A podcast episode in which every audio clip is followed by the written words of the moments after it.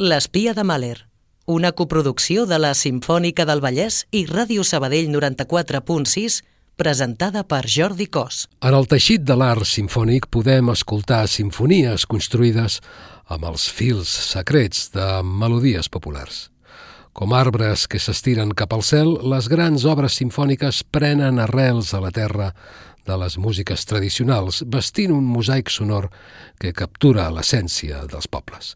Avui, amb el suport de Rocío García al control tècnic, la música simfònica com a memòria de les històries no escrites de la gent a l'espia de Mahler.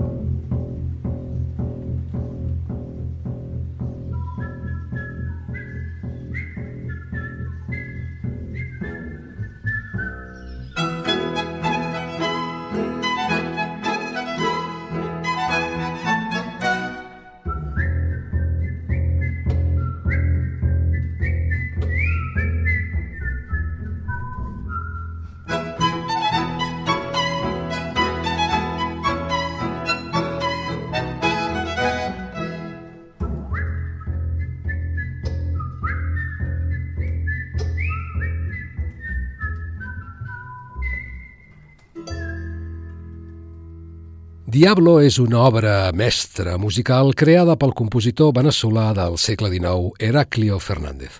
El veritable nom de la peça, el Diablo Suelto, va néixer l'any 1878, ballant al ritme d'un vals.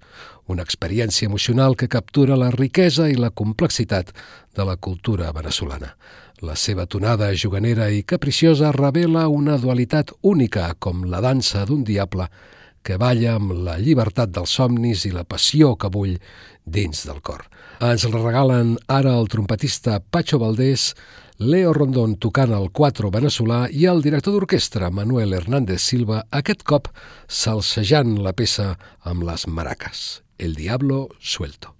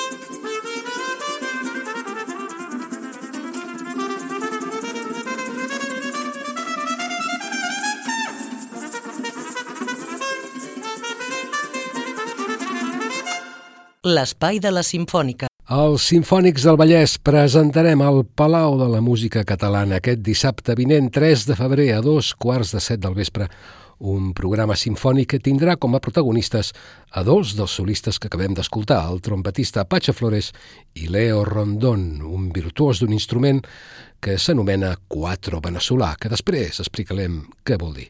A la direcció, la guanyadora del darrer concurs Maestra, que com el seu nom ja ens revela, és per a directores d'orquestra, que se celebra cada any a París. En aquest cas, la polonesa Anna Surskova. Patxo i Leo estrenaran en aquest concert al Palau de la Música de Barcelona una obra composta pel mateix Patxo Flores, trompetista de carrera internacional. L'obra es diu Cantos i Revueltes. Abans d'escoltar-la, però, deixeu-me que us expliqui l'instrument que toca Leo Rondón, el quattro veneçolà, o simplement quattro. És una dansa d'acords que ens acaricia amb les seves quatre cordes melòdiques amb una afinació molt peculiar, es converteix en un ser únic entre els instruments de corda, com una joia que destaca en la família de les antigues guitarres espanyoles. De grandària modesta, el seu nom esdevé poesia d'un número 4. El seu coratge sonor pertany a l'ànima del joropo, ressonant a les àrees rurals i urbanes de Venezuela, amb una tonada que esdevé tot un poema melancòlic. Tant a l'ombra dels racons rurals com a la llum de les grans urbs, el 4 balla amb la seva pròpia essència. I sona així en les mans del mateix Leo Rondón, interpretant una dansa típica venezolana, el joropo.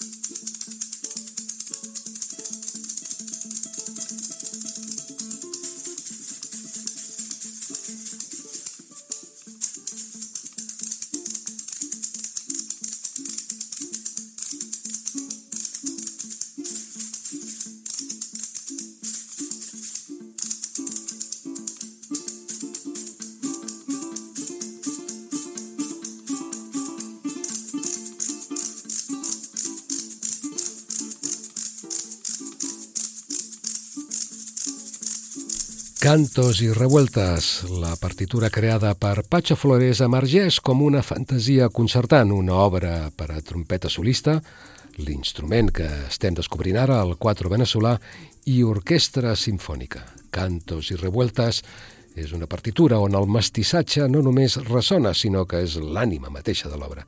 Inspirada en els cants i balls populars, especialment el joropo, aquesta composició captura l'essència de la cultura de Venezuela.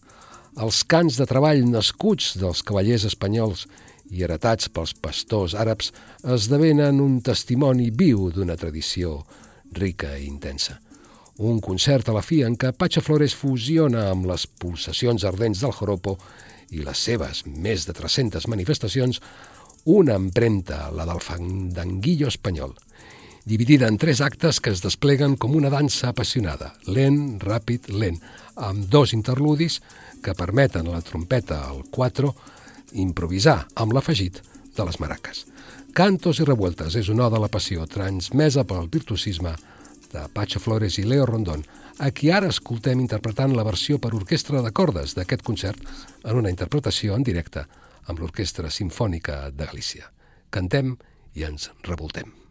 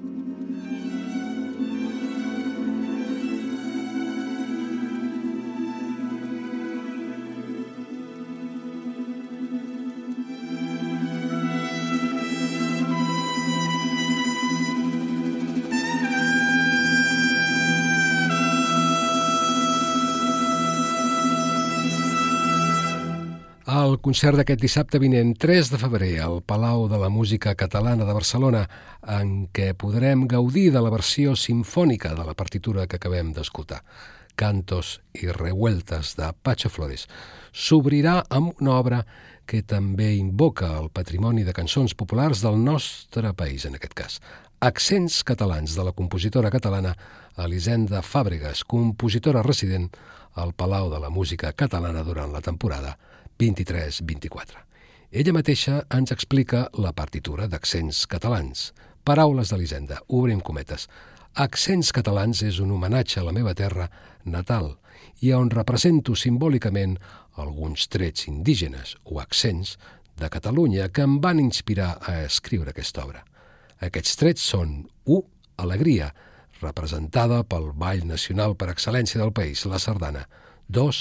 Innocència màgica, que s'exemplifica en la puresa de les cançons que fem cantar als nens. 3. Enyorança i tristesa, un contrast present en les cançons populars. 4.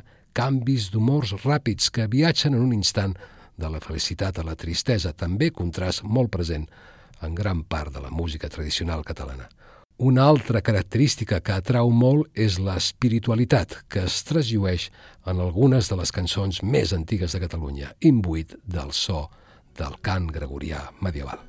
Paraules d'Elisenda, la compositora d'accents catalans.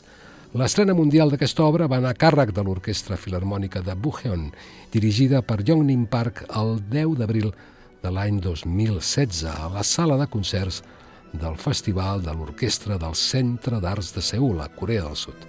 I aquest dissabte, al Palau de la Música Catalana, la podreu descobrir en directe dirigida per Anna Sulskova amb els Simfònics del Vallès música amb accent català.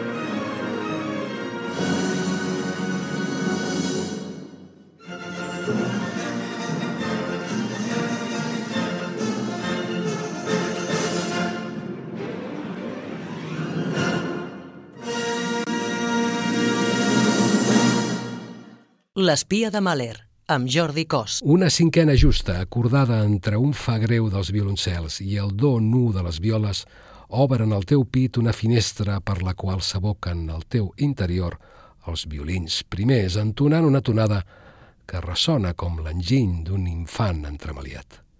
Així comença l'única sinfonia de Beethoven que et promet una cura sense dolor. La sinfonia pastoral. Aquesta setmana, els sinfònics del Vallès compartirem una dosi d'aquest remei naturista al Palau de la Música Catalana, dissabte vinent, el 3 de febrer, inspirats per la directora Anna Suskova. El pianista més estrany i genial del segle XX, Glenn Gould, ens tecleja un fragment del primer moviment.